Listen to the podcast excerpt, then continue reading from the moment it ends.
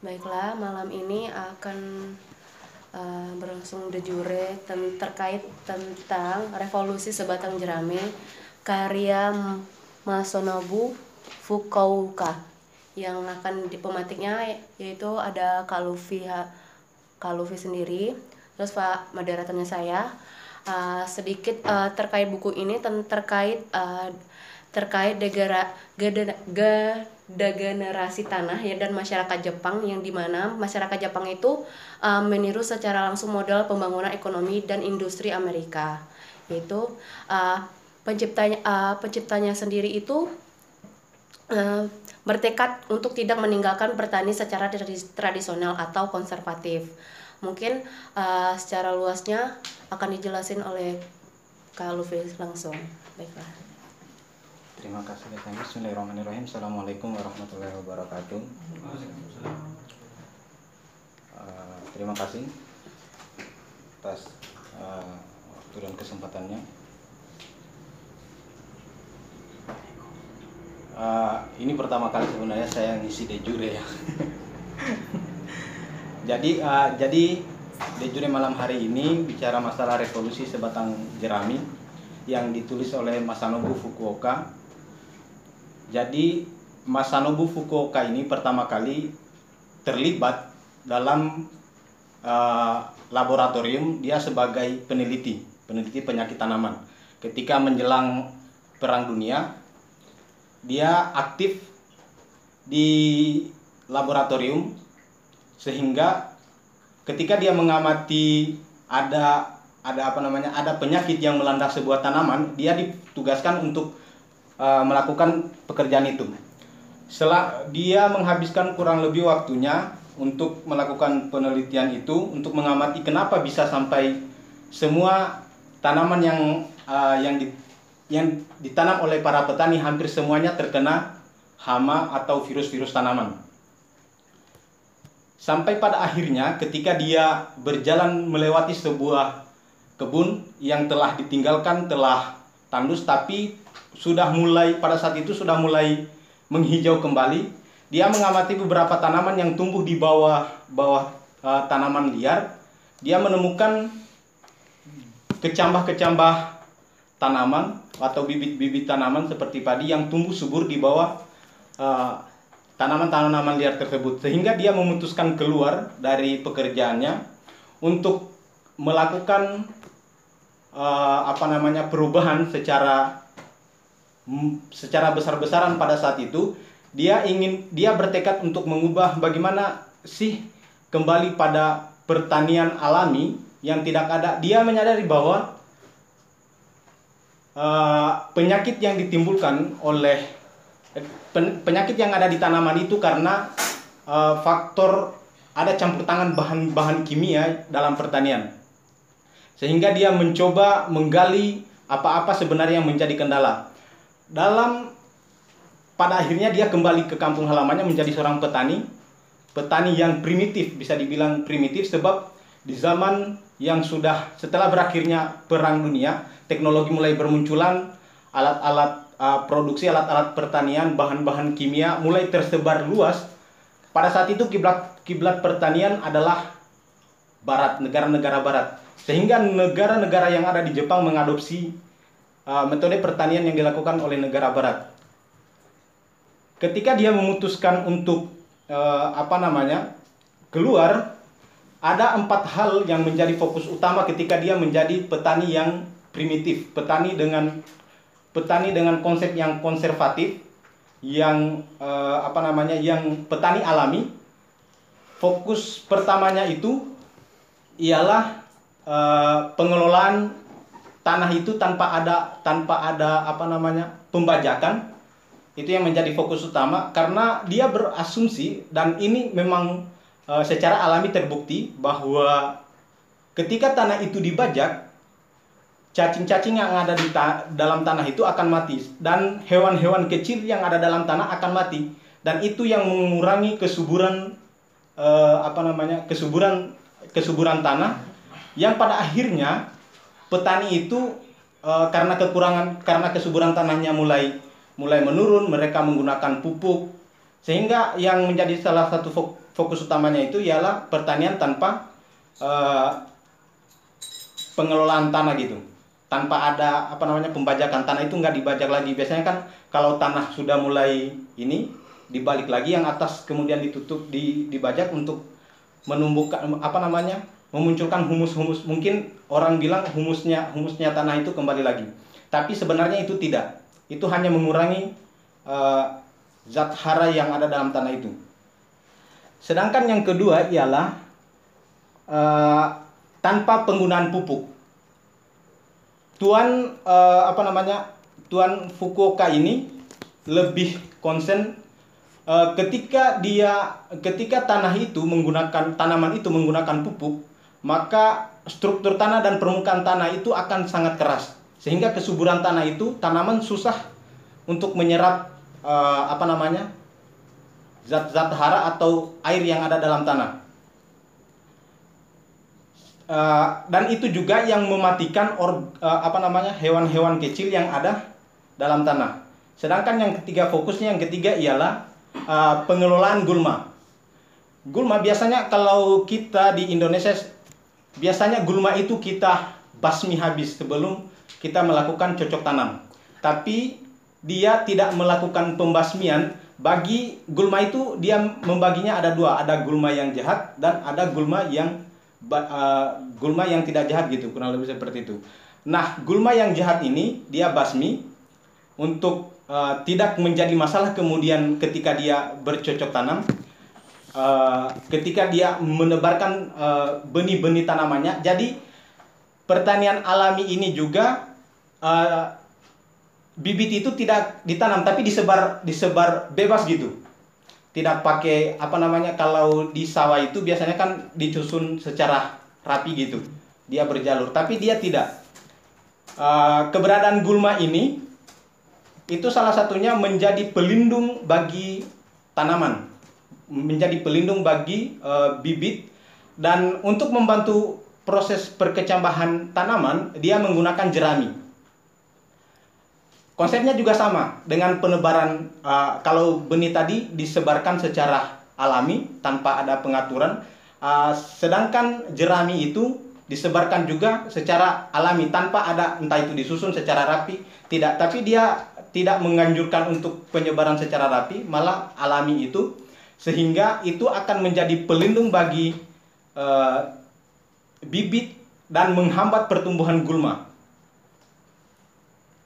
Ketika uh, apa namanya uh, orang mungkin akan berasumsi loh kenapa tidak dipotong aja jeraminya? Ketika entah itu panen panen padi ataupun jerami-jerami yang lain gitu. Kenapa nggak dipotong aja? Dia mengatakan bahwa kalau itu dipotong akan menghambat ketika pertumbuhan dan tidak ada kemungkinan tidak melindungi bibit-bibit itu dari burung-burung yang memakan benih-benih uh, yang telah disebarkan. Yang keempat ialah eh, apa namanya? Keempat itu pengendalian hama. Jadi pengendalian hama di sini eh, kalau yang modern itu hama itu pasti sudah pasti dibasmi menggunakan pestisida, menggunakan pupuk.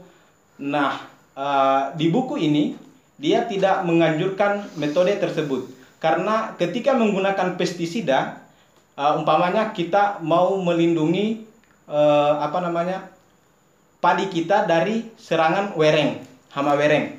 Itu ketika menggunakan uh, apa namanya pestisida itu akan menumbuhkan malah memunculkan serangga-serangga uh, yang lain yang sebenarnya alam itu sudah memiliki siklusnya, siklus apa namanya? Uh, rantai makanan. Ah, rantai makanan alam itu telah uh, hewan itu memiliki rantai makanan sehingga tidak boleh atau tidak dianjurkan untuk membunuh salah satu rantai makanan. Ketika satu rantai makanan terpotong, maka akan muncul rantai makanan yang ada di bawahnya itu yang menjadi pemangsa rantai makanan yang telah dimusnahkan itu akan bertambah banyak sehingga itu akan menjadi masalah dan penghambat uh, masalah pada pertanian sehingga itu tidak dianjurkan. Jadi uh, Fukuoka ini lebih konsen pada empat aspek itu. Pertanyaannya kemudian, kenapa di Jepang itu uh, apa namanya pertanian alami itu tidak merata kan seperti itu. Kalau seandainya konsepnya itu memang hebat kenapa tidak merata dan tidak uh, bisa mengalahkan pertanian modern?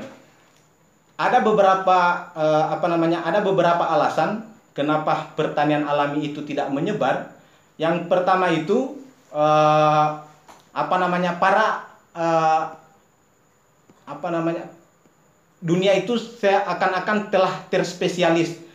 Maksudnya ada spesialis tanaman, ada spesialis tanah, tapi mereka ketika melakukan uh, apa namanya survei atau riset di ladang uh, Tuan Fukuoka ini, mereka tidak mungkin hasil surveinya itu baik, tapi tidak persebarannya tidak merata dari hasil survei tersebut.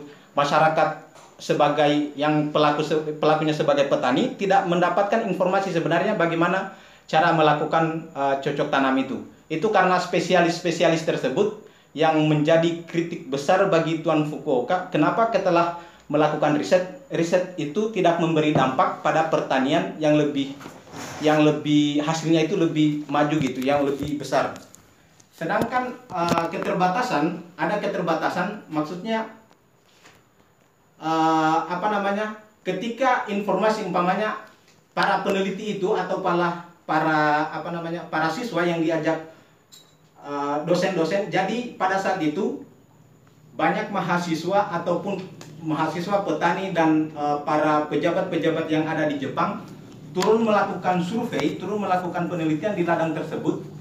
Cuman ketika entah itu kalau seandainya petani, mereka telah belajar di sana, ketika bergeser uh, pemahaman yang didapatkan di pertanian di apa namanya pengalaman mereka ketika berkunjung di ladang tersebut mereka tidak tetapkan tidak terapkan secara menyeluruh gitu. Ada empat aspek itu mungkin hanya ada tiga aspek yang mereka uh, fokus atau konsenkan ketika itu. Sehingga mungkin ada campur tangan lagi uh, bahan kimia di dalamnya penggunaan penggunaan penggunaan ini penggunaan penggunaan pupuk penggunaan penggunaan uh, obat-obatan yang selanjutnya uh, fokus uh, apa namanya di buku ini nggak hanya membahas tentang karena di sampulnya ini padi. Jadi mungkin beberapa teman-teman mungkin beranggapan bahwa dalam buku ini hanya fokusnya ke ke apa namanya ke padi tapi tidak dia lebih fokus uh, dia lebih merata gitu. Lebih merata itu maksudnya nggak uh, hanya padi, ada ada sayur-sayuran, ada buah-buahan yang ditanam. Uh, apa namanya? Kalau dia juga menganjurkan ketika bercocok tanam untuk sayur-sayuran itu dibebaskan aja gitu, tumbuh secara tumbuh secara liar kayak tanaman-tanaman yang liar, nggak usah ada campur tangan lagi ketika disebarkan benihnya. Intinya pada empat aspek itu kalau sudah menjalankan empat aspek itu nggak usah lagi ada campur tangan yang lainnya. Sedangkan uh, selanjutnya, kalau bicara masalah hasil dari pertanian, kalau kita membandingkan antara hasil produksi pertanian yang alami dan pertanian yang modern itu, hasil pertanian alami dan modern itu hasilnya sama bahkan melebihi, bahkan melebihi uh, jumlah dari pertanian yang modern. Sehingga pada saat itu bisa di dia menanam eh, pohon-pohon uh, yang bisa menambah kesuburan tanah itu kembali. Sehingga ada dia ada satu bukit di sana itu uh, pada waktu itu yang memang posisinya sudah tandus dia kembali hijaukan kembali. Sehingga orang-orang tercengang pada saat itu kok bisa ladang yang sudah tandus seperti itu bisa hijau kembali karena sudah mereka sudah mengetahui bahwa itu tidak akan bisa lagi tidak bisa lagi memberikan kesuburan tanahnya itu sudah tidak akan subur lagi gitu. Diasumsi pada diasumsi pada orang-orang. Uh, selanjutnya kalau bicara masalah manfaat yang lain dari pertanian uh, alami ini dia itu ada manfaatnya ada dua. Yang pertama itu manfaat perekonomian bagi petani uh, yang kedua itu aspek uh, memberi dampak pada kesehatan gitu. Pada kesehatan dan diet. Di dalam buku ini juga dia menganjurkan bagaimana cara pola hidup yang sehat dan diet yang baik. Diet alami gitu. Uh, jadi untuk aspek perekonomian, hitung-hitungan secara rasional saja kalau dia tidak menggunakan uh, pupuk bahan-bahan kimia itu, ya sudah pasti pengeluaran petani itu sudah pasti bisa di, dikendalikan gitu. Tidak lagi membeli uh, pupuk, tidak lagi membeli obat-obatan untuk menumbuhkan ini atau enggak uh, tidak lagi membeli pestisida untuk membunuh hama-hama sehingga secara tidak langsung ketika hasil pertanian mereka uh, ketika masa apa namanya masa panen mereka bisa menyalurkan hasil-hasil produksi mereka yang itu sangat dicari pada saat itu sampai pada saat ini juga hasil apa namanya pertanian-pertanian yang alami itu.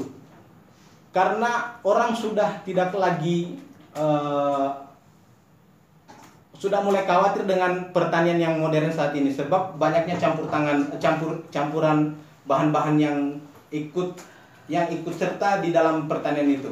Adanya pupuk sudah pasti itu memberi dampak uh, bagi kesehatan. Sehingga pertanian ini secara ekonomis hitung-hitung ekonomisnya pertanian uh, petani itu mendapat banyak keuntungan yang kedua bicara masalah hasil pertanian secara perekonomian, pertanian modern dan pertanian uh, alami ini dia lebih apa ya?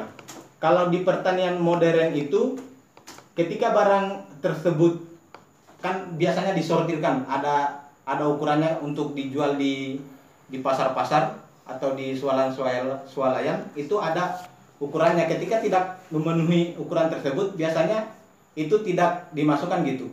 Tidak memberi manfaat secara uh, keuangan bagi para petani.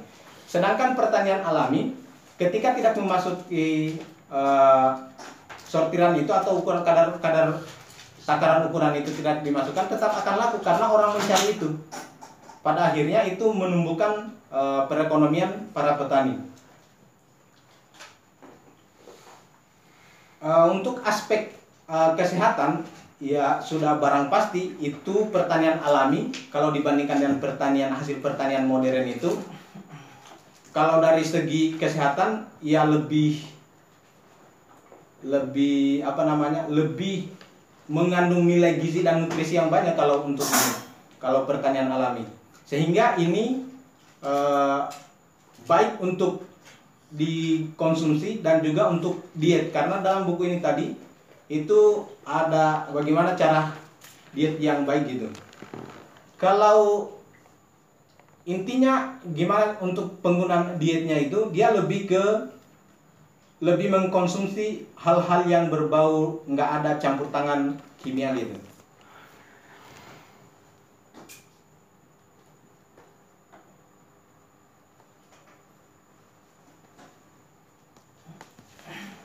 Uh, intinya uh, intinya ada empat aspek itu untuk pertanian alami. Untuk peng, tidak penggunaan tidak meng, apa namanya tidak mengelola uh, tanah tidak menggunakan pupuk tidak membasmi gulma ataupun hama. Oke baiklah.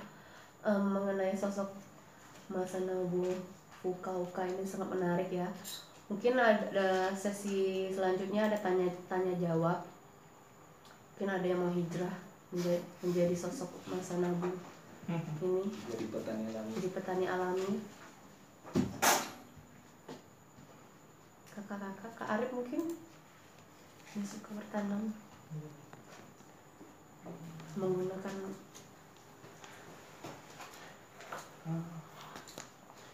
Kak Sarul Kak apa tadi menunjuk?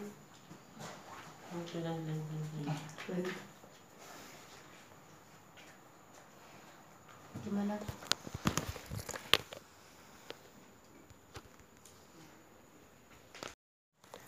Uh, menarik menarik sekali tadi uh, buku dari Tuan Fukuoka.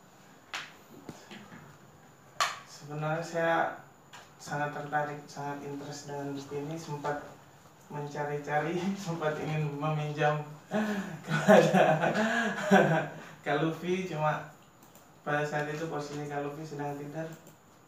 Eh, jadi menarik sekali berkaitan dengan eh, revolusi sebatang jerami. Berkaitan dengan tanam tradisional net realita itu sebenarnya eh, beberapa eh, beberapa suku di Kalimantan pada secara umum sih Dayak itu masih melaksanakan eh, yang namanya tanam eh, ladang berpindah. Kalau bahasa daerahnya itu namanya nuhing. Nuhing. Mungkin rada sama dengan eh, konsepnya suku anak dalam di Jambi. di Jambi, di Sumatera pada umumnya. Nah, memang saya rada sepakat dengan dengan pernyataannya Tuan Fukuoka ini bahwasannya ketika eh, tanaman itu di ditanam secara alami dia akan eh, menghasilkan kualitas yang lebih lebih oke dibanding dibanding yang menggunakan eh, pestisida eh, bahan kimia. Saya coba mere- eh, mengkomparasikan antara eh, kebetulan orang tua saya eh, seorang petani, cuma dua tahun ini udah stop karena sum- sumber airnya udah udah tertutup oleh lumpur-lumpur dari tambang sehingga udah dua tahun ini udah nggak nggak nanam lagi.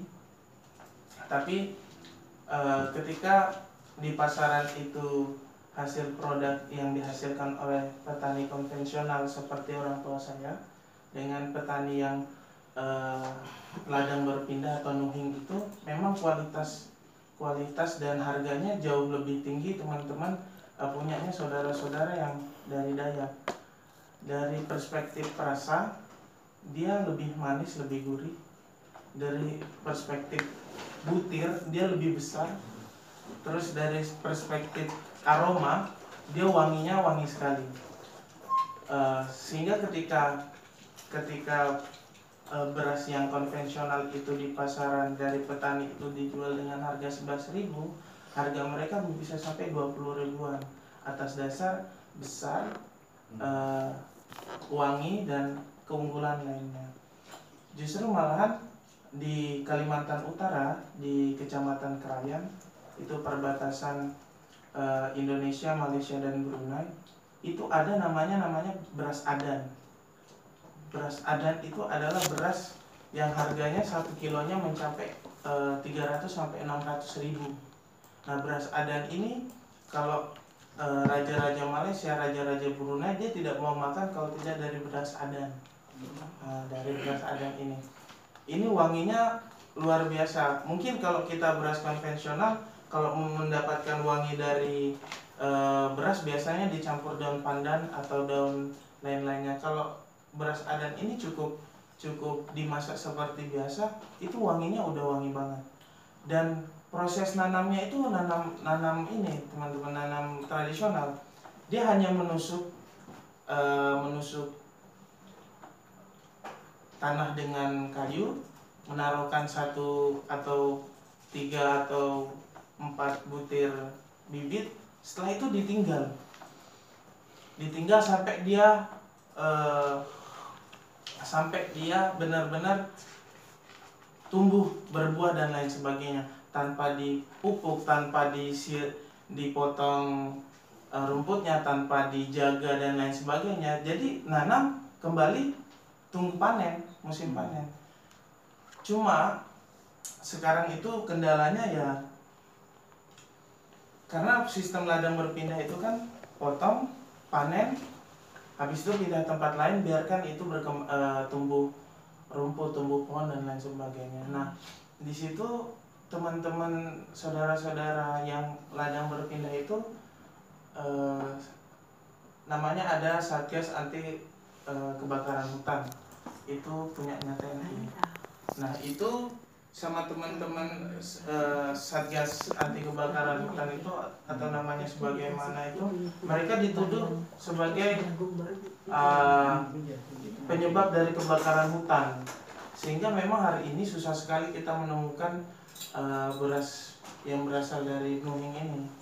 Nah, jika tarik tarik uh, kes, uh, tarik sejarahnya lagi ternyata saat, uh, di lingkungan itu dikuasai oleh uh, BUMN HTI perusahaan kayu itu entah BUMN kurang tahu saya. Nah ada sebuah cerita teman juga riset di salah satu desa desa adat berkaitan dengan proses penanaman eh, penanaman apa penanaman ladang berpindah dia lagi proses garapan. Udah saya pesan katanya nanti kalau udah jadi jadi filmnya bisa kita putar di sini. Uh, jadi itu mereka sampai hari ini tidak diboleh dibolehkan untuk menanam dengan alasan bahwasanya mereka akan penyebab banjir di Jakarta. Uh, tidak rasional. Nah alasan teman-teman uh, Babinsa yang menjadi salah yang tergabung di Satgas Anti Kebakaran Hutan itu beralasan kepada teman-teman eh, masyarakat masyarakat adat itu bahwasannya ketika dia bakar hutan di sana yang banjir itu yang di Jakarta. Nah ini salah satu uh, ironi yang patut kita uh, pertanyakan juga uh, uh, rasionalitasnya dan uh, karena yang berladang memang orang-orang tua dari anda karena udah kurang sekali anak-anak muda yang uh, mau ikut ladang berpindah sehingga mereka percaya-percaya aja. Ternyata setelah itu dilarang 2 tahun tiga tahun tumbuhlah pohon-pohon uh, akasia milik HTI nah akhirnya itu cuma menjadi alasan saja bahwasanya tidak boleh melakukan ladang berpindah karena menyebabkan kebakaran hutan. Padahal itu ingin dikuasai oleh HTI nah ini salah satu uh, sayang sekali bahwasannya salah satu komoditas utama bahkan dicari dicari-cari orang kalau pergi ke desa itu desa adat itu nyarinya beras itu. Sekarang nggak bisa. Bahkan untuk makan sendiri saja mereka udah udah tidak bisa memenuhi harus membeli. Mungkin sekian dari saya. Terima kasih. Menarik ya berhubungan ya mungkin ada tanah-tanah yang milik HTI lain lagi. Uh, saya masuk ya. Uh, jadi hampir kurang lebih sama gitu. Apa yang disampaikan Bang Tengku sama yang dilakukan Tuan Fukuoka di Jepang itu. Dari dari hasil pertaniannya sama. Entah itu dari segi kualitasnya dari uh, apa namanya ukuran hasil panennya. Terus uh, cuman yang menjadi kendala di, di kendala uh, pertanian alami ini kalau dari dari dari aspek ekonomi uh, mereka itu lebih menyalurkan kepada distributor untuk dijualkan hasil pertaniannya itu uh, itu menjadi apa ya sebenarnya tujuan dari pertanian alami itu bisa untuk diakses atau untuk semua apa namanya semua uh, masyarakat entah itu masyarakat kelas bawah, kelas menengah, kelas atas semua bisa mengakses itu. Harapannya pada saat harapan yang dituangkan cuman ketika masuk di distributor uh, barangnya itu dicampur dengan barang yang ini yang apa namanya yang modern hasil-hasil pertanian modern sampai ada satu momen ketika uh, Tuan Fukuoka ini uh, apa namanya mendapati hal tersebut dia sangat marah. Karena tujuannya itu semua barang itu bisa diakses uh, masyarakat. Yang itu yang menjadi ketika umpamanya petani menjualnya dengan harga 10.000 masuk di distributor bisa sampai melonjak harganya. Karena permainan distributor itu uh, terus kalau bicara masalah bagaimana ininya mungkin uh, kalau di tempatnya Bang Tengku itu tadi dia lebih berpindah-pindah ya Bang hmm. tempatnya. Tapi yeah. kalau di sana itu uh, dia menggunakan ladang yang kecil itu menjadi kayak semacam laboratorium di sana. Dijadikan sebagai laboratorium. Jadi karena di Jepang itu empat musim, ketika musim eh, panen umpamanya panen padi berakhir jeraminya setelah biji-bijinya diambil eh, apa namanya padinya itu diambil jeraminya ditebarkan ditanamlah jenis tanaman-tanaman yang lain. Entah itu sayur-sayuran sehingga eh, apa namanya eh, sehingga itu pertanian itu berkelanjutan. Nggak nggak ini nggak apa nggak berhenti ketika panen satu satu jenis tanaman panen ditinggalkan enggak di di sana ada berkelanjutan Sam, eh, kalau untuk kembali pada penanaman padinya sampai empat empat musim itu entah eh, ada satu musim apa namanya musim yang tidak untuk bercocok tanam itu musim gugur musim dingin. Iya. itu tidak sam- memang tidak eh, sama sekali tidak ini tidak dilakukan apa-apa. Jadi dari hasil pertaniannya pada saat itu itu yang menjadi penopang kebutuhan masyarakat pada saat itu untuk dikonsumsi. Jadi hanya tiga musim ketika satu musim berganti eh, mereka eh, apa namanya melakukan penanaman lagi. Jadi eh, dia juga menganjurkan intinya ki- petani itu lebih harus memahami situasi alam. Ketika musim eh, umpamanya musim panas apa yang tanaman apa yang pas untuk ditanam dan mengetahui siklus alam itu. Hama apa ketika musim panas itu yang ada. Jadi ada kayak semacam antisipasi gitu. Mereka mengetahui langkah apa yang yang dilakukan Eh, kayak lebih petani itu lebih pintar-pintar membaca alam dan apa namanya lebih eh, penggunaan metode karena karena berbedanya empat musim itu jadi tidak setiap negara atau namanya setiap daerah itu ya mengikuti pada wilayah tertentu. Maksudnya kalau seandainya di Indonesia ada dua atau berapa musim? Dua musim. Dua. jadi hanya dua musim itu saja jangan sampai ada musim selanjutnya musim tambahan kan kayak lebih fokusnya lebih memahami alam gitu. Karena apa ya? Karena di dibilang juga kalau sebenarnya dia lebih mengkritisi sebenarnya kalau masalah pengembangan teknologi. Karena itu juga berdampak pada kerusakan alam. Makanya kayak semacam jihad saya bilang tadi jihad ekologi dia lebih apa sih yang membedakan eh, mungkin kalau dulu eh, sekarang ini mungkin lebih dibantu dengan tenaga apa namanya listrik ini lebih sebagai pencerah. Cuman eksploitasinya itu secara besar-besaran. Sehingga banyak kayak di wilayah di Kalimantan itu banyak lubang-lubang untuk penggalian batu bara. Itu yang menjadi eh, apa namanya kayak menjadi kemarahan Tuan Fukuoka juga pada saat itu. Sehingga kenapa sih kita eh, manusia itu lebih lebih apa namanya kayak rakus gitu untuk mengeksploitasi alam kenapa nggak secara sebutunya aja jangan eh, jangan berlebihan Seperti itu. Mungkin ada lagi yang bertanya terkait revolusi sebatang jerami. Ya.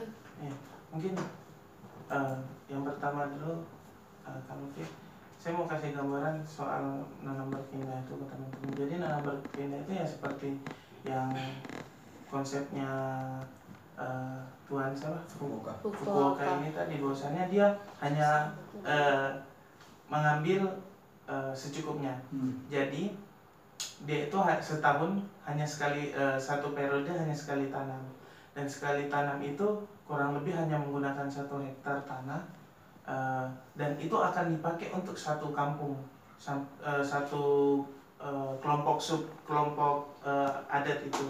Nah jadi sebenarnya menurut subjektif saya bahwasannya ladang berpindah yang sebenarnya dilakukan oleh teman-teman adat hari ini baik di Kalimantan oleh teman-teman Dayak atau di Sumatera teman-teman suku anak dalam itu sebenarnya lebih apa ya lebih lebih ideal dibandingkan harus menggunakan eh, pestisida dan lain-lain. Malah justru saya lihat itu menjadi pertanyaan saya juga. Waktu itu saya jalan ke ladang teman dan biasa itu mereka nanamnya di atas gunung pak. Nanamnya di atas gunung kok eh, dia nggak ada nggak ada hama tikus yang yang mengerayapin kok dia nggak ada eh, hama-hama yang mengganggu kok dibiarkan justru tumbuh tumbuh baik aja tanpa ada harus harus diberikan stimulasi stimulan. Sedangkan eh, di ladang saya itu kok kalau kita nggak kasih Pupuk. karena mulai mungkin mulai dari awal pakai pupuk ya. Kita tidak pakai eh, tidak pakai eh, bahan kimia kok. Keong-keong justru makin mendekat terus eh, belalang-belalang itu makin banyak. Bahkan di tempat yang basah pun eh, sering kali itu apa akar-akarnya tuh udah mati dimakan sama sama tikus. Nah itu kan pertanyaan eh, pertanyaan besar. Kok mereka yang dibiarkan itu justru lebih lebih bagus ya eh, kualitasnya dibanding kita harus eh, kasih ini lagi harus kasih itu lagi. Sedangkan mereka tanam tinggal balik panen. Kok lebih bagus? Nah itu. Makanya eh, saya mau tanya nih sebelum nanti insya Allah saya baca juga. Eh, kalau Vi apakah di bukunya eh, beliau ini beliau secara spesifik eh, menjelaskan bagaimana sih metode-metodenya cara-caranya? Dia itu contohnya salah satunya menyuburkan salah satu sebuah bukit yang tandus dan sebagainya apakah secara spesifik beliau ceritakan nggak di sini beliau tuliskan atau tidak gimana Ya, eh, terkait masalah itu ada jelas di dalamnya. Jadi eh, apa namanya? Bagaimana cara menyuburkan tanaman itu? Ya intinya kayak apa ya? Intinya eh, nggak ada nggak ada keterlibatan bahan-bahan kimia itu tadi. Yang pertama, kalau masalah penyuburan tanah yang ada di bukit pada saat waktu yang ada di buku ini dia lebih konsennya eh, karena dia mencoba menanam tanaman pada saat itu nggak tumbuh jadi dia alihkan dia menanam pohon-pohon dulu eh, sampai pada akhirnya hijau tumbuh Eh, terus apa lagi tadi?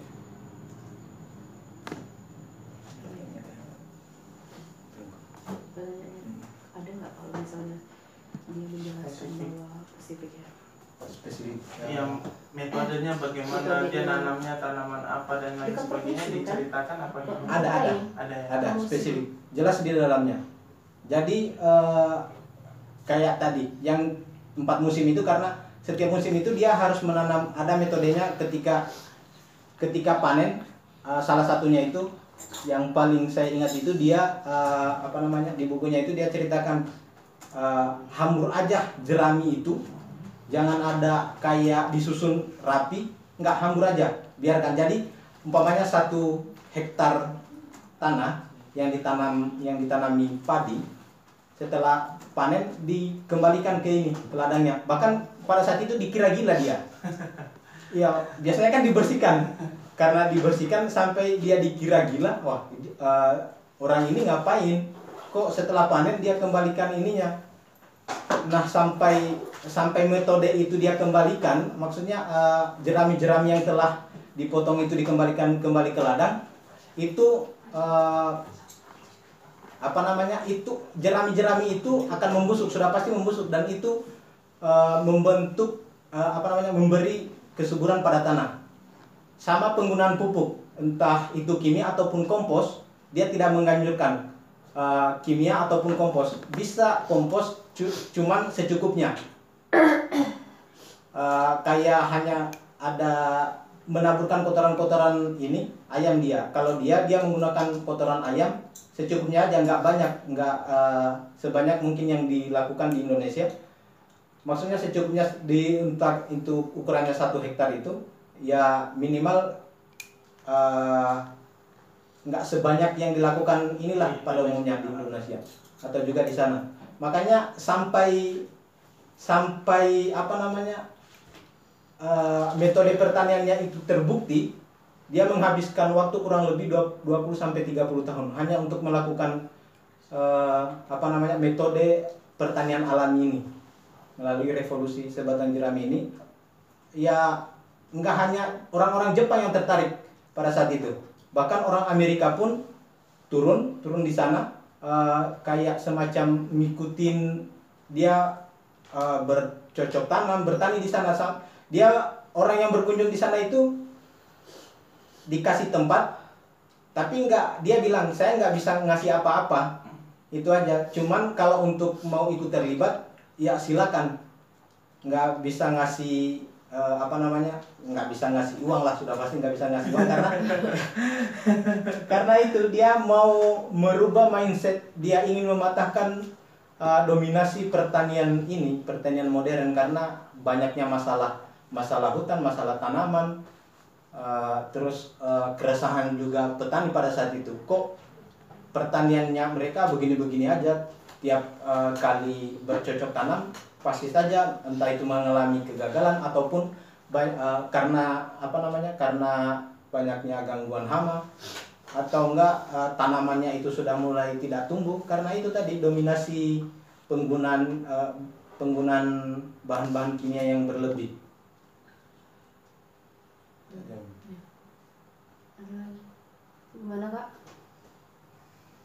Ini ada yang menambah lagi terkait Ini metode saya saya petani. Kayaknya harusnya punya metode apa lagi nih? Pindah. Bukan bukan saya mau bercerita aja. Oh. Terima kasih Mbak moderator.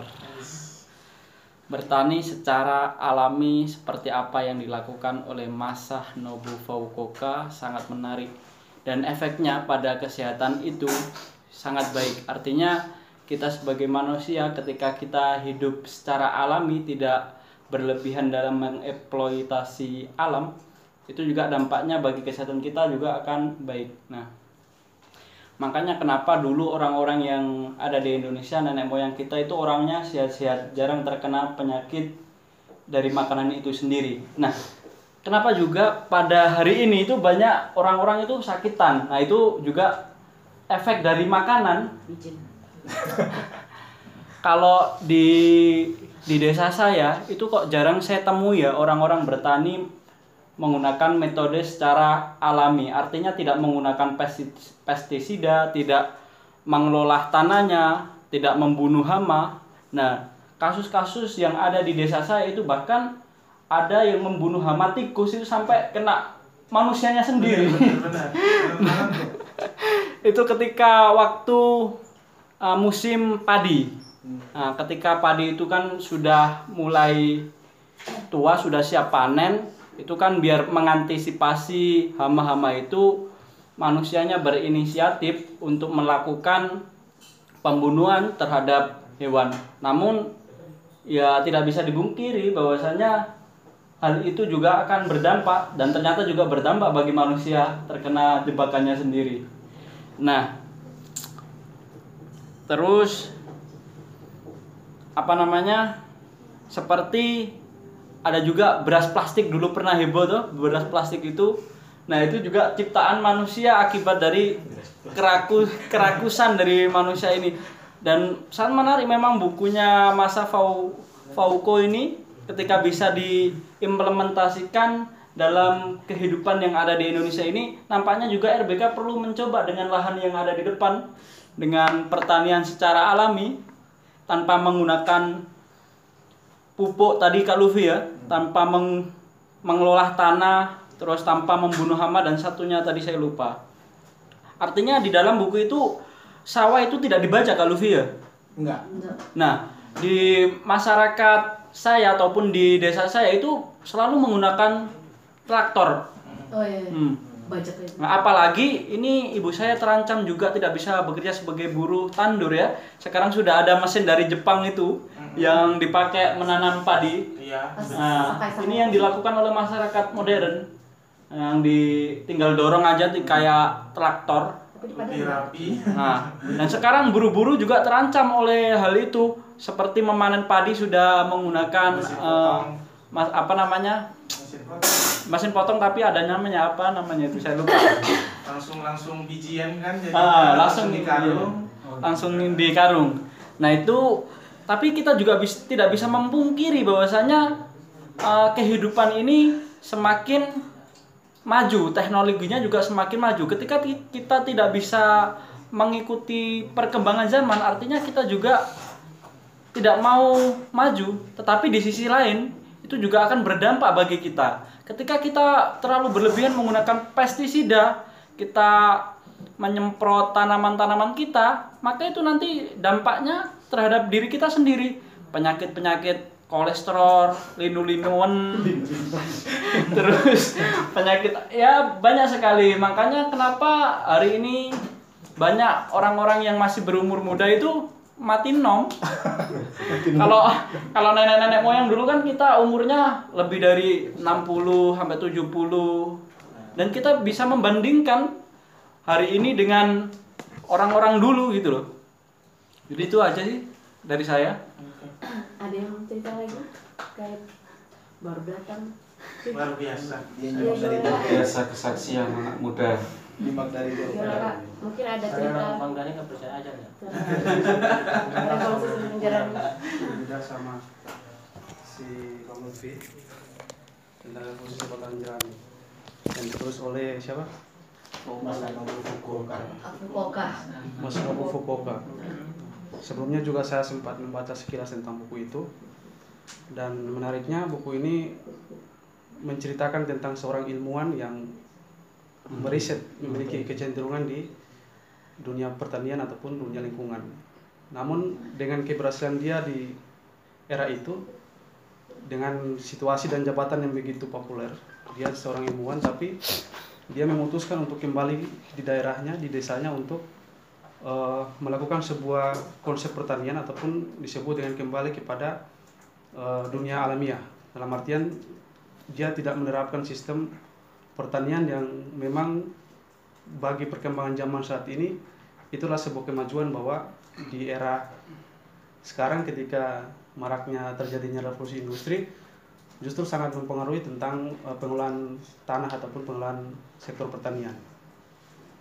Namun eh, entah mengapa dia dari hasil risetnya itu kemudian memilih untuk meninggalkan dunia perkembangan itu. Dan saya pikir itu adalah salah satu langkah yang luar biasa yang tidak bisa mungkin patut diberikan apresiasi. Mungkin saja dia melihat bahwa kecenderungan manusia menggunakan kemajuan dalam artian inovasi tadi itu membahayakan kehidupan manusia. Misalnya bagaimana pengendalian hama, bagaimana pengelolaan lingkungan dan lain sebagainya. Nah, dan itu tidak bisa dipungkiri bahwa hari ini kita rasakan dampak daripada pengelolaan lahan yang kemudian cenderung melibatkan uh, kemajuan teknologi tadi. Nah, dalam buku yang lain misalnya yang saya pegang ini dinamika kelas dalam perubahan agraria, dalam buku ini juga eh, ada sebuah gerakan yang mungkin mungkin saja termotivasi dari buku ini di India di, yang mana diceritakan bahwa orang-orang India kembali membangun gerakan untuk melawan daripada sistem yang saat ini sedang bekerja. Nah nyatanya dia menceritakan bahwa ternyata dalam sektor pertanian ada juga yang namanya eh, perbedaan kelas. Jadi ada kelas petani eh, kapitalis, ada kelas petani non kapitalis. Nah, mungkin saja itu yang menjadi eh, alasan utama kenapa gerakan itu dibangun. Karena dalam sektor pertanian ternyata juga ada seperti itu perbedaan kelas. Jadi perjuangan kelas juga terjadi dalam sektor pertanian.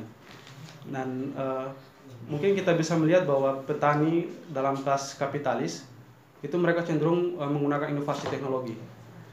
Nah, itu sangat dan itu sudah sangat apa ya? meyakinkan bahwa mereka lah para pelaku, pelaku kejahatan lingkungan. Nah, sedangkan kelompok-kelompok marginal ataupun kelompok non kapitalis ini mereka tidak punya kekuatan yang dahsyat untuk melakukan perlawanan itu.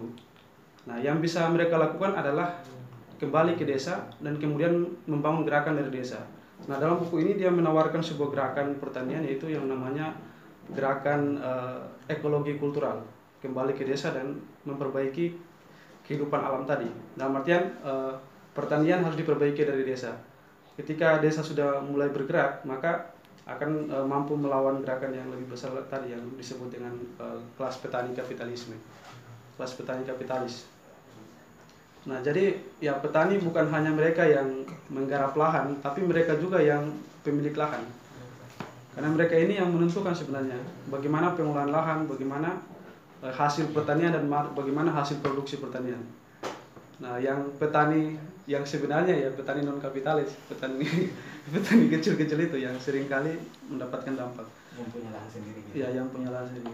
Dan mungkin saja di Indonesia masih banyak daerah yang yang masih menerapkan sistem yang sudah dijelaskan tadi, misalnya juga kemarin kita bedah eh, penelitian Pesantren. di pesantren itu.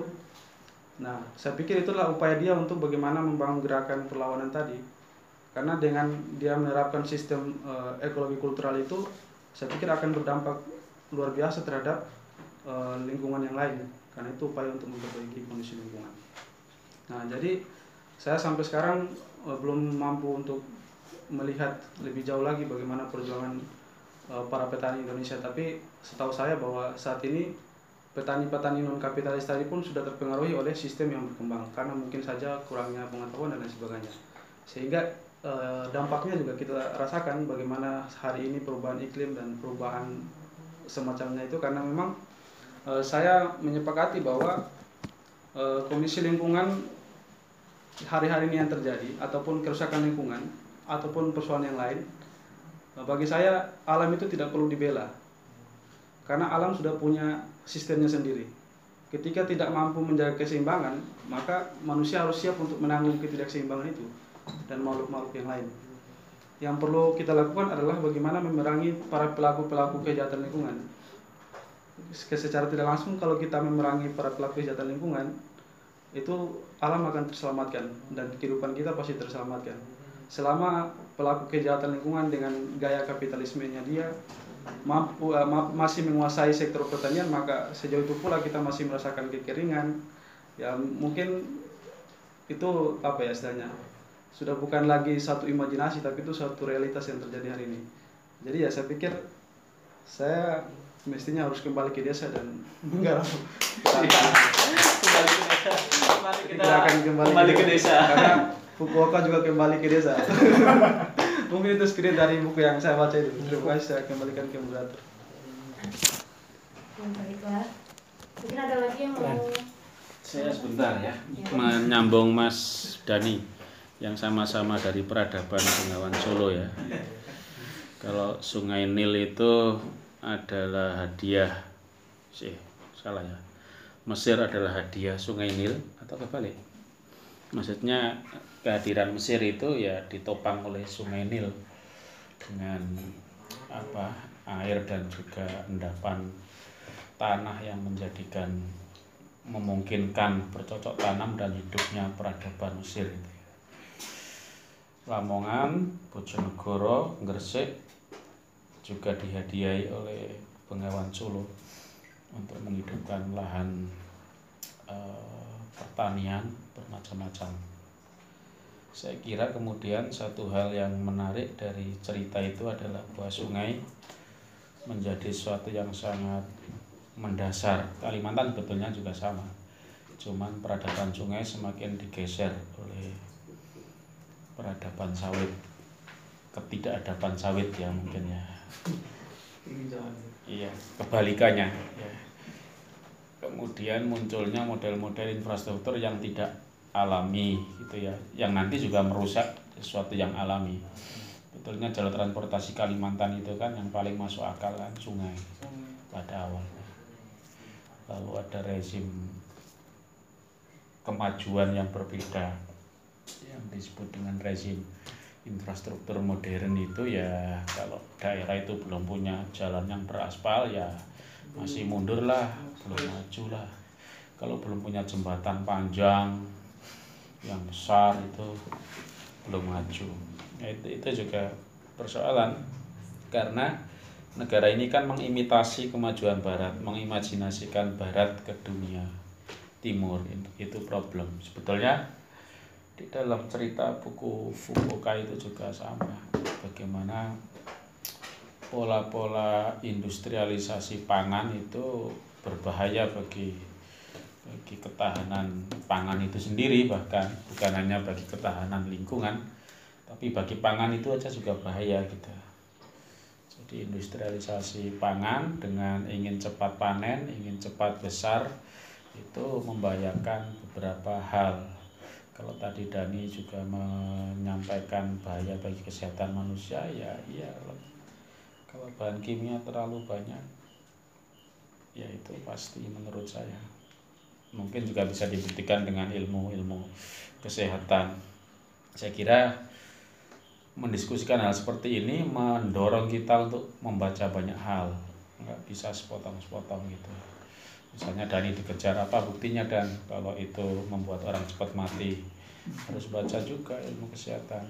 Sehingga ilmuwan organik kayak kita itu ya membaca banyak hal.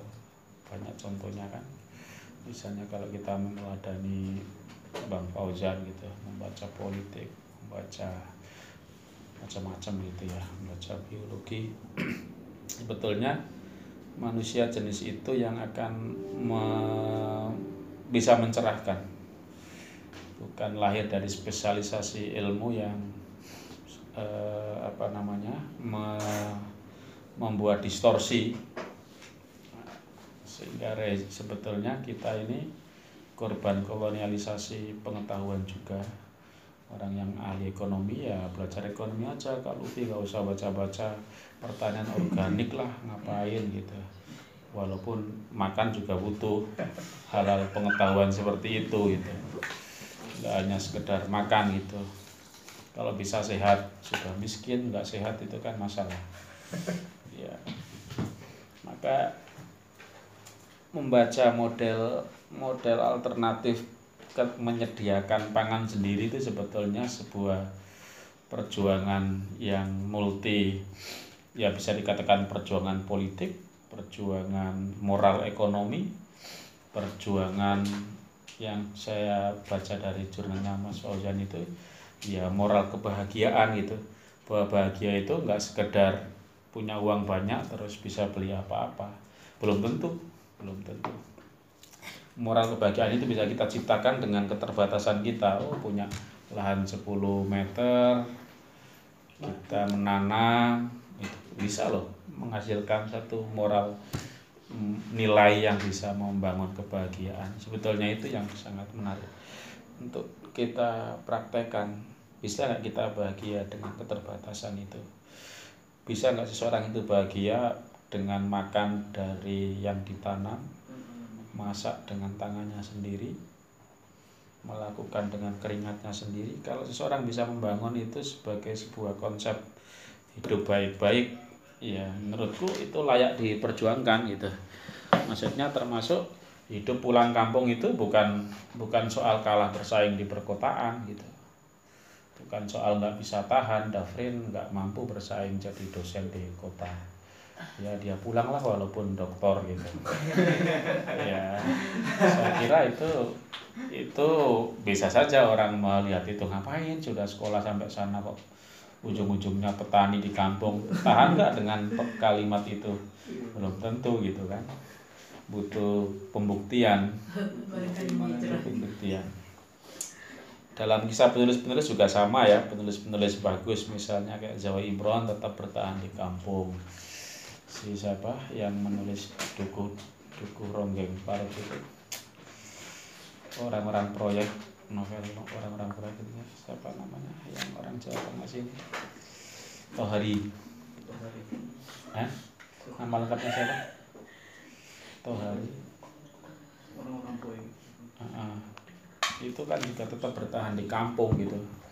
Dia dia bisa bersaing dengan maksudnya bersaing dalam tanda kutip tetap bisa berkarya dan karyanya itu melegenda juga gitu. Tidak kalah kalau dianggap persaingan tidak kalah dengan Gunawan Muhammad yang memilih tinggal di Jakarta.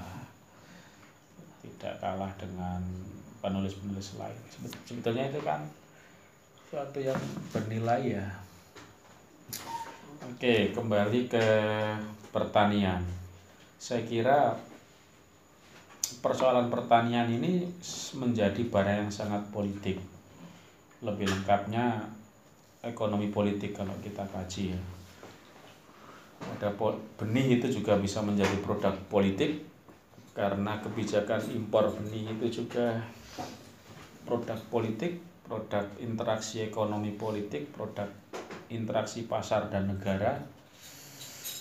Eh, pilihan pupuk juga persoalan ekonomi politik permainan eh, pasar dengan negara dan sebagainya. Sehingga kita membicarakan hari ini memilih padi itu adalah barang politik tindakan politik. Dalam arti luas ya ini bukan politik dalam konteks berebut kekuasaan tapi politik berebut sumber daya politik yang cocok dengan kajian ekologi kan politik itu perebutan sumber daya. Di dalamnya ada distribusi berkah dan bencana. Itu konten dari ekonomi politik ekologi politik ya. Jadi sekarang mendefinisikan politik tidak hanya soal berebut kekuasaan lewat proses demokratis atau tidak demokratis tetapi bagaimana kita eh, berkompetisi atau memaknai kompetisi pembagian berkah dan juga ada sebagian pihak yang akan lebih banyak mendapatkan bencana dari proses ini. Ya kan? Batu bara yang mendapat bencana ya orang-orang yang di daerah hutan daerah korban tambang dapat bencana yang dapat berkah bisa elit politik bisa oligarki. Begitu juga sistem pertanian sebetulnya juga sama. Dengan munculnya model-model eh, sejak revolusi hijau kalau di Indonesia ya. Revolusi hijau itu artinya pasokan pasokan bibit dan pupuk disediakan oleh industri. Itu aja kuncinya revolusi hijau itu.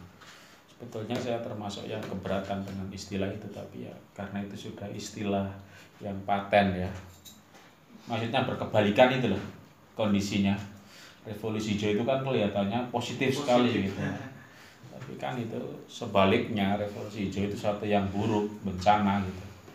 Bencana. Dengan revolusi itulah munculnya korporasi besar pabrik pembibitan industri yang memonopoli bibit. Membuat bibit yang bibit itu tidak bisa jadi bibit. Apa istilahnya ya misalnya Dani ambil dari Monsanto itu bibit jagung nanam panen tapi itu nggak bisa jadi bibit. Rusak bibit itu hasilnya itu. Harus beli lagi bibit yang settingan settingannya kayak gitu. Jadi sekali tanam sekali tanam dan jagung itu kalau ditanam lagi buruk hasilnya harus dikonsumsi gitu. Itu itu rekayasa rekayasa bibit benih gitu. Sama juga padi muncul IR1, IR2 terus banyak. Tiap tiap situasi masyarakat akan tergantung pada bibit itu. Oh ini kalau bibitnya ganti oh harus ganti. Sudah nggak ada bibit kemarin itu. Disosialisasi lewat kepala-kepala desa kepala desa dikasih persenan dengan membawa itu. Itu di Jawa pada umumnya sejak saya kecil. Hmm? ya kalau di Asia ini kan di Filipina pusatnya tapi punya Amerika. Namanya apa? Riset center apa ini di Filipina pusatnya. Pusat revolusi hijau pembenihan di Asia itu ditempatkan di Filipina itu padi ya yang padi ya khusus padi. Belum yang yang jagung itu kan Monsanto ya kalau tidak salah. Penguasa perusahaan monopoli perusahaan. Yang melakukan rekayasa genetik dan lain-lain. Oke, jadi menurutku tindakan memilih benih ini sekarang adalah menjadi alat perlawanan memilih benih menentukan jenis tanah menentukan pupuk apa yang dipakai jenis pertanian apa itu benar-benar tindakan perlawanan kalau hari ini. Kenapa begitu? Ya karena karena ada ada suatu yang berkuasa yang yang dominan gitu. Ada dominasi. Setiap ada dominasi itu memunculkan tindakan politis. Politis tentu aja dalam hal ini adalah mempertahankan sumber daya atau berebut sumber daya gitu. politik yang saya maksudkan di sini definisinya mempertahankan air mempertahankan tanah tetap alami itu tindakan politik bukan tindakan biasa gitu orang yang menolak rumahnya dibeli untuk dibangun perumahan tapi ingin tetap melanjutkan nanam padi atau apa walaupun nggak menguntungkan itu adalah tindakan politik jadi kita kemudian membuka hasanah ilmu politik itu betul-betul sudah melintasi definisi formal gitu. sudah mengarah ke antropologi politik ke sosiologi politik ke ekologi politik gitu itu itu titik temu dari berbagai disiplin ilmu itu sebetulnya bisa kita lihat dari kacamata yang sangat sederhana orang nanam apa dan makan apa. Itu adalah kajian politik sebetulnya. Apa yang ditanam apa yang dimakan di mana dia makan itu adalah urusan politik sebetulnya. Tidak.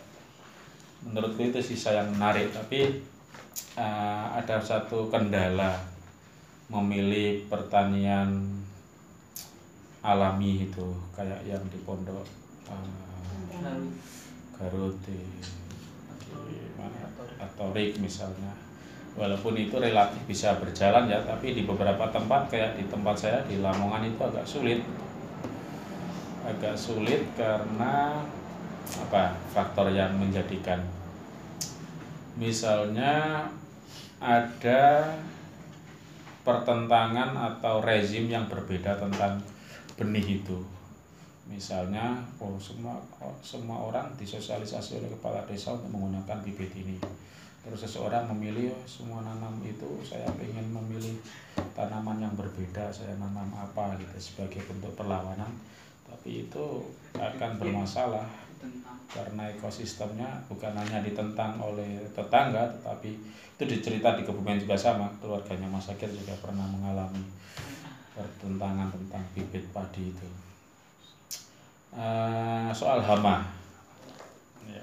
sebetulnya kan ada saya nggak tahu ada yang tahu ilmu pertanian kan memang ada ada rumus kalau bisa menanam tanaman yang sama yeah. di satu area yang tertentu gitu.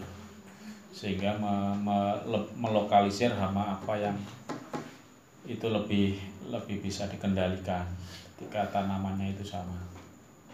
Kalau tanaman berbeda bisa bisa bermasalah tanaman itu. Itu saya belum tahu detailnya tapi itu satu rumus. Maka padi ya padi semua dan bahkan hari hari tanamnya juga diusahakan hampir bersamaan gitu.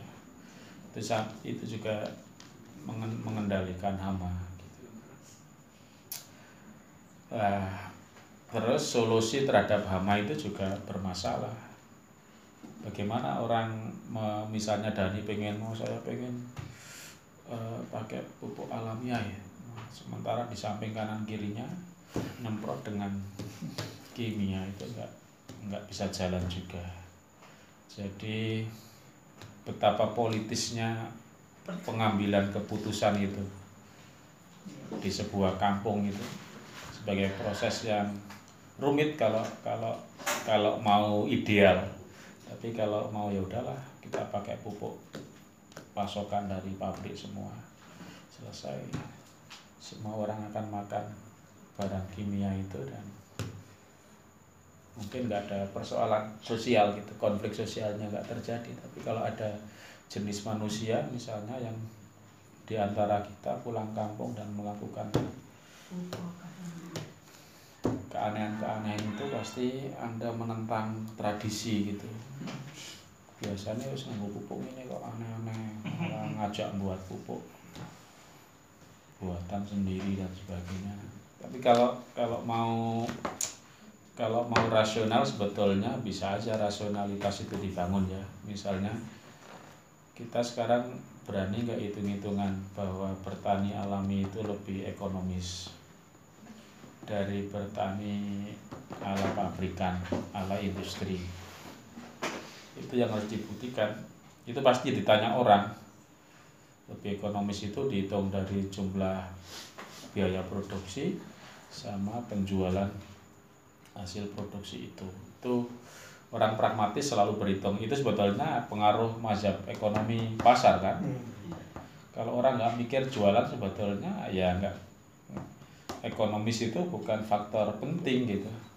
Yang faktor penting adalah keluarga itu bisa bertahan bisa bisa apa siklus kehidupan itu berjalan aja gitu. Bisa makan sampai panen berikutnya. Makanya membayangkan hidup alamiah itu memang menarik gitu. Tapi ya kita juga tidak gampang me- mencapai itu. Kita membayangkan hidup tanpa berorientasi pasar itu gimana gitu. Sementara Luffy itu diutus ke sini untuk memenangkan pasar gitu. Kadang-kadang hidup tanpa plastik ya. dimulai dari ya, hidup tanpa orientasi pasar itu kehidupan macam apa gitu. Pasti rekeningnya sedikit isinya. Bisa makin nggak berorientasi pasar. Ya akhirnya tapi saya juga optimis selain itu. Tapi saya punya optimisme bahwa orang-orang yang eh, mempertahankan nilai-nilai keseimbangan itu keseimbangan alam keseimbangan keluarga ketahanan keluarga secara sederhana skala kecil itu mungkin ya kalau bayangan saya akan lebih lebih survive di tengah kehidupan yang nggak menentu sekarang ini menurut akan lebih survive cuman itu pilihan yang mungkin tidak bahagia secara material ya Secara pengakuan. Iya, maksudnya ya secara stigma orang luar itu malah kok hidup kok melarat sekali sih. Buat pupuk, yang lain sudah makan di restoran, ini masih bikin pupuk gitu. Ya, jalan hidupmu kok aneh sekali sih Andika gitu. Sarjana ya sarjana, dokter kayak kayak gitu ya. pasti orang gila kan orang gila orang nggak mau maju orang banyak bakal melawan melawan rezim kesuksesan di luar gitu. Jadi Fukuoka ini memang cukup berpengaruh, buku yang sangat berpengaruh bagi aktivis pertanian di, di Indonesia, termasuk agraria, kelompok-kelompok aktivis agraria ini buku yang cukup berpengaruh. Sejak dulu sih. Ini kan sudah terbit 80-an kayaknya. Terbitan pertama dicetak ulang terus. Itu yang sangat sangat sangat penting saya kira mungkin poinnya itu. Jadi kita kalau Kaluvi mau mendorong model seperti ini apa gitu? Langkah-langkahnya apa gitu? Apakah model-model komunitas yang menguji cobakan alamiah seperti ini? Tapi saya ingin bersaksi ada yang menarik di kampung saya. Biasanya ada dua dua jenis tanah ya. Kalau yang dekat dengan Bengawan itu dibajak dengan sapi atau dengan traktor kemudian itu kalau tanah Tegalan biasanya tanpa dibajak tapi juga subur bisa tanam cabai tanam apa ubi-ubian itu biasanya nggak dibajak karena keras tanahnya Mhm. tapi tetap bisa menumbuhkan Sekarang banjir terus Tanaman, ya. gitu. nggak bisa ditanami. kenapa Banjir terus. kalau yang di sekitar Bengawan Nah, ya jenis jenis jenis itu maksudnya saya ingin bersaksi bahwa ilmunya Fukuoka itu ada benernya gitu. Buktinya tanah Tegalan itu keras tapi bisa tumbuh juga gitu. Gunung Kidul yang tanahnya berbatu kayak gitu singkong juga tetap berbuah gitu ya berbuah. Singkong ber sapi beranak singkong? Iya ya. Mangga berakar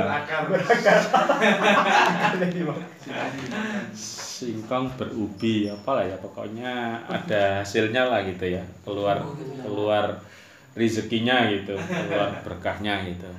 Artinya ya ya apa ya? Fenomena kimia ini memang fenomena fenomena rekayasa gitu. Rekayasa. Rekayasa yang tidak selalu positif. Rekayasa kalau overdosis pasti bermasalah gitu. Bayangkan kalau mupuk kimia di gunung-gunung itu piye? Ternyata Tuhan itu bisa menumbuhkan pohon dari batu. Ternyata bisa mengalirkan air di sela-sela batu ya artinya apa? Sebetulnya manusia ini ya nggak perlu bahasa Jogja itu peting sengan lah ya.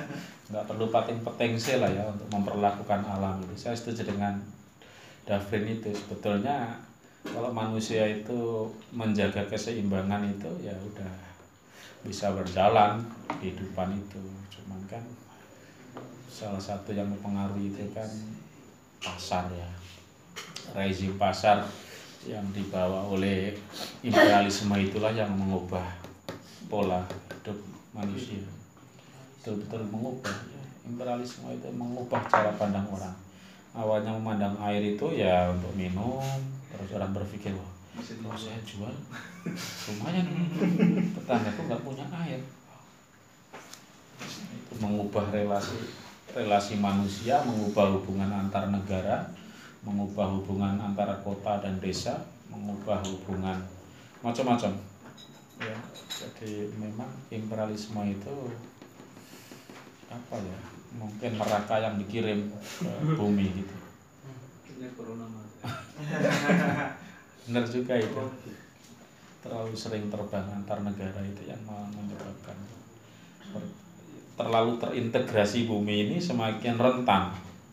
Terlalu terintegrasi terlalu connected apa yang disebut global village itu ternyata membawa kerentanan-kerentanan yang luar biasa. Penyakit di negara tertentu bisa dalam waktu sekejap masuk ke negara lain. Jadi, global village itu punya punya tingkat kerentanan yang luar biasa. Seolah-olah kita bertahan. Oh karena dengan global village ini kalau ada teroris kita cepat mengatasinya itu kan sebetulnya imajinasi. Imajinasi apa ya kenyataannya enggak juga kan? dengan dengan bergabungnya militer apa uh, in, apa namanya itu kalau intel antar negara itu. Apa namanya? Interpol. Ya. Ya dalam konteks intelijen ya Interpol itu seolah-olah kita gampang menyelesaikan. Oh ada terorisme di negara ini langsung set set set, set selesai tapi kan enggak, ternyata enggak begitu juga. Atau malah sebaliknya yang menjadi terorisme ya yang memaringi teroris itu misalnya. Jadi apa istilahnya maling teriak maling atau, atau justru itu bisnisnya gitu jadi bisnis. Oke selanjutnya saya kira bagaimana kita menguji cobakan itu aja. Eh, dari dari buku ini apa yang bisa kita mulai kerjakan misalnya prinsip-prinsip. Karena kita ini eksperimen komunitas kata Umozan ya spiritnya harus harus termanifestasi. Misalnya sebisa mungkin kita makan dari keringat kita makan dari dapur kita sendiri. Kalaupun makan ya di warung tetangga di warung-warung yang tidak berniat untuk menjadi oligarki gitu gitu. Kalau anda ngopinya di Indomaret ya pasti anda itu menggarami lautan gitu. Menggarami lautan. Hal-hal sederhana tapi kalau itu menjadi eksperimentasi hidup kita yang bisa kita lakukan itu ya mungkin. Tapi Dani tadi sudah menyinggung ada lahan di depan RBK ya gimana caranya mah menguji coba itu dengan 10 meter yang di sekolah Pagesangan kemarin saya baca beritanya juga enggak sampai 10 meter ya kalau nggak salah tanahnya kurang lebih luasnya. Mungkin 10 kali 10 apa 10 meter ya. Bisa nanam sayur-sayuran untuk dimasak sendiri. Anak-anak sekolahan itu, itu menurutku perlu kita datangi lah untuk bisa sharing-sharing dalam waktu dekat ini melanjutkan diskusi buku ini kita kemudian main ke Gunung Kidul itu ya tempatnya di Gunung Kidul. Itu dulu Kak San. Thank you. 10 menit ada nggak? Kultum cukup cukup cukup. Ada lagi? Udah ya? Tadi katanya banjir udah udah ada. Mau tambahan mungkin kak? Kak lain nggak ada udah ada eh kak langsung moderator. Open data open data. Data open data ada lagi nggak? Ada Lutfi mungkin ada yang ketinggalan Hmm, jelasin lagi. Sudah Hmm, sedikit aja mau. Close- closing statement. Oh, closing statement. Enggak closing statement sih, Eh, sedikit menambahkan terkait ada tadi yang ketinggalan dari pernyataannya eh, Kak yang dari Kalimantan itu Iya. sampai lupa Kak nama. Tengku. Kak Tengku. Eh, jadi kayak apa ya Hmm, dibilang Kak Tengku tadi itu ada percontohan itu apa namanya pertaniannya temannya itu yang bekerjanya bisa dibilang sedikit gitu memang ap- eh, ya hampir sama seperti itu pertanian alami karena bekerja sedikit hanya menanam tanpa ada lagi tenaga ekstra yang dilakukan ya kembali ke situ kalau dibandingkan dengan pertanian modern lebih banyak aktivitas petani itu lebih banyak ada aktivitas tambahan kayak memupuk, menyemprot atau membajak gitu. Uh, tapi Fukuoka juga ini tidak menafikan kehadiran teknologi dan ilmu pengetahuan, perkembangan teknologi dan ilmu pengetahuan. Sebab kalau seandainya dia juga mau menolak kehadiran itu, ya bisa dibilang ya susah sih, karena perkembangannya semakin ini, semakin masif gitu. Eh, terkait masalah apa yang disampaikan Kadafrin tadi, eh, pertanian kapitalis itu, ya mungkin sistem pertanian alami itu tidak akan jalan kalau seandainya masih ada sistem pertanian kapitalis itu ya umpamanya ada petani ada tuan tanah yang mempekerjakan petani yang mengelola lahannya itu tapi berdasarkan kehendak tuan tanah itu harus menggunakan pupuk ya susah sistem pertanian alami itu nggak akan jalan. Uh, terus apa ya? Bisa dibilang per, uh, pertanian alami ini kalau dikaitkan dengan diskusi yang di PP Muhammadiyah yang beberapa hari yang lalu PPIPM itu Kauzan sempat menyinggung masalah ekologi. Eh, itu ada dua deep, deep ekologi dan slow ekologi ya kalau nggak salah ya ya kurang lebih pertanian alami ini masuk dalam kategori deep, deep ekologi itu secara tidak langsung atau ekologi dalam gitu. Terus yang Cak David tadi memang agak susah secara secara secara hitung-hitungan. Mungkin kalau untuk kehidupan petani mungkin nggak jadi masalah persoalan persoalan itu. Cuman ya kembali ke situ persoalan ekonomi itu kalau hanya untuk sebatas kehidupan tidak ada pengakuan dari masyarakat ya status sosial gitu ya susah untuk itu mungkin catatan kritisnya dari persoalan ini eh, perekonomian. Cuman eh, apa namanya eh, selanjutnya yang masalah benih. Ini juga disinggung kalau kalau masalah benih itu eh, kayak ada penolakan juga. Kenapa benihnya itu harus kayak sekarang itu kan ada benih unggulan gitu. Ada rekayasa bisa dibilang rekayasa genetik lah. Ya benih unggulan ini ya sudah pasti itu apa namanya politik. Apa tadi dibilang sama Cak David kayak ada unsur politik ada permainan politik di dalamnya gitu. Ya apa ya akan tidak mampu bertahan dengan situasi alam yang yang nyata gitu. Kalau kalau benih-benih yang benih unggulan ini diterapkan di pertanian alami Ah, itu saja mungkin. Deh. Karena moderator udah gelisah ada lagi enggak kan baiklah uh, jujurnya malam ini sangat menarik tentang resol- resolusi sebatang jerami yang oleh